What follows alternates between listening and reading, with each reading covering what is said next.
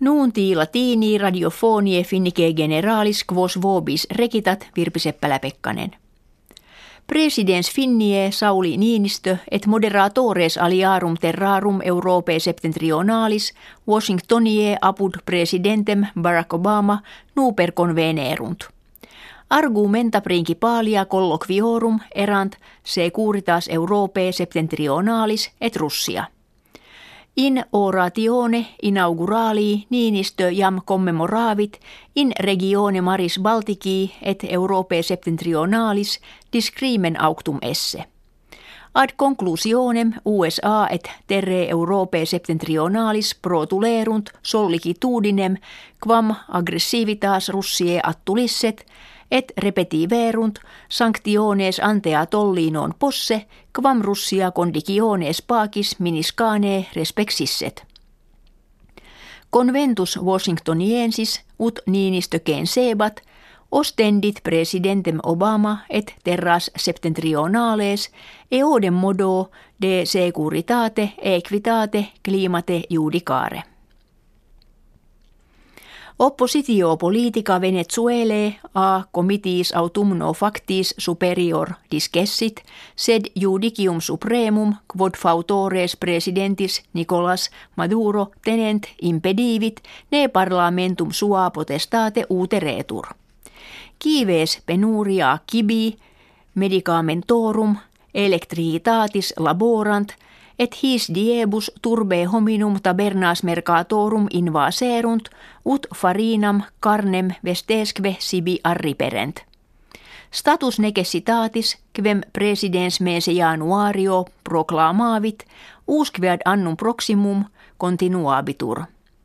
Maduro causam esse dixit crisim economicam et insidias tam patrias quam Americanorum ad regimen sinistrarum partium evertendum.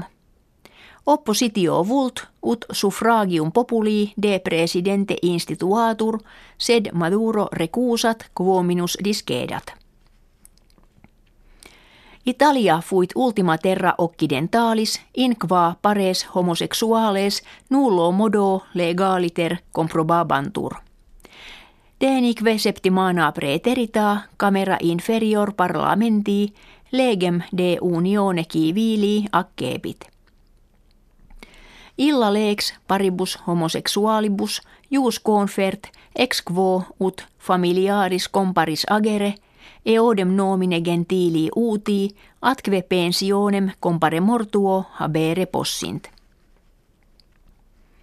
Pactum quod unio europea cum Turkia de profugis remittendis fecit numerum hominum ex Turkia in Greciam venientium valdeminuit. Mense aprili tantum duomilia septingenti homines venerunt quod nonaginta centesimis minus est quam mense martio. Plurimi ex Syria, Pakistania, Afganistania, Irakviaque oriundi erant. Kertaamen finale cantionum Eurovisionis in quod viginti sexterre admisse erant vespere sabbati Stockholmie factum est. Plurima suffragia kepit cantatrix Ukraine Susanna Jamaladinova sive Jamala Kve ipsa et textum et melodiam ad cantionem de anno millesimo nongentesimo quadragesimo quarto scripserat. Illo anno Stalin pristinus dictator unionis sovietike ducenta quinquaginta milia tartarorum ex Crimea in Sibiriam et mediam Asiam deportanda curaverat. In his erat pro avia cantatrigis de cuius sorte illa in cantione sua narrat. Secundum locum in kertaamine occupavit Australia tertium Russia. Nuntis latinis ita recitatis gratias auscultatoribus agimus et valedigimus.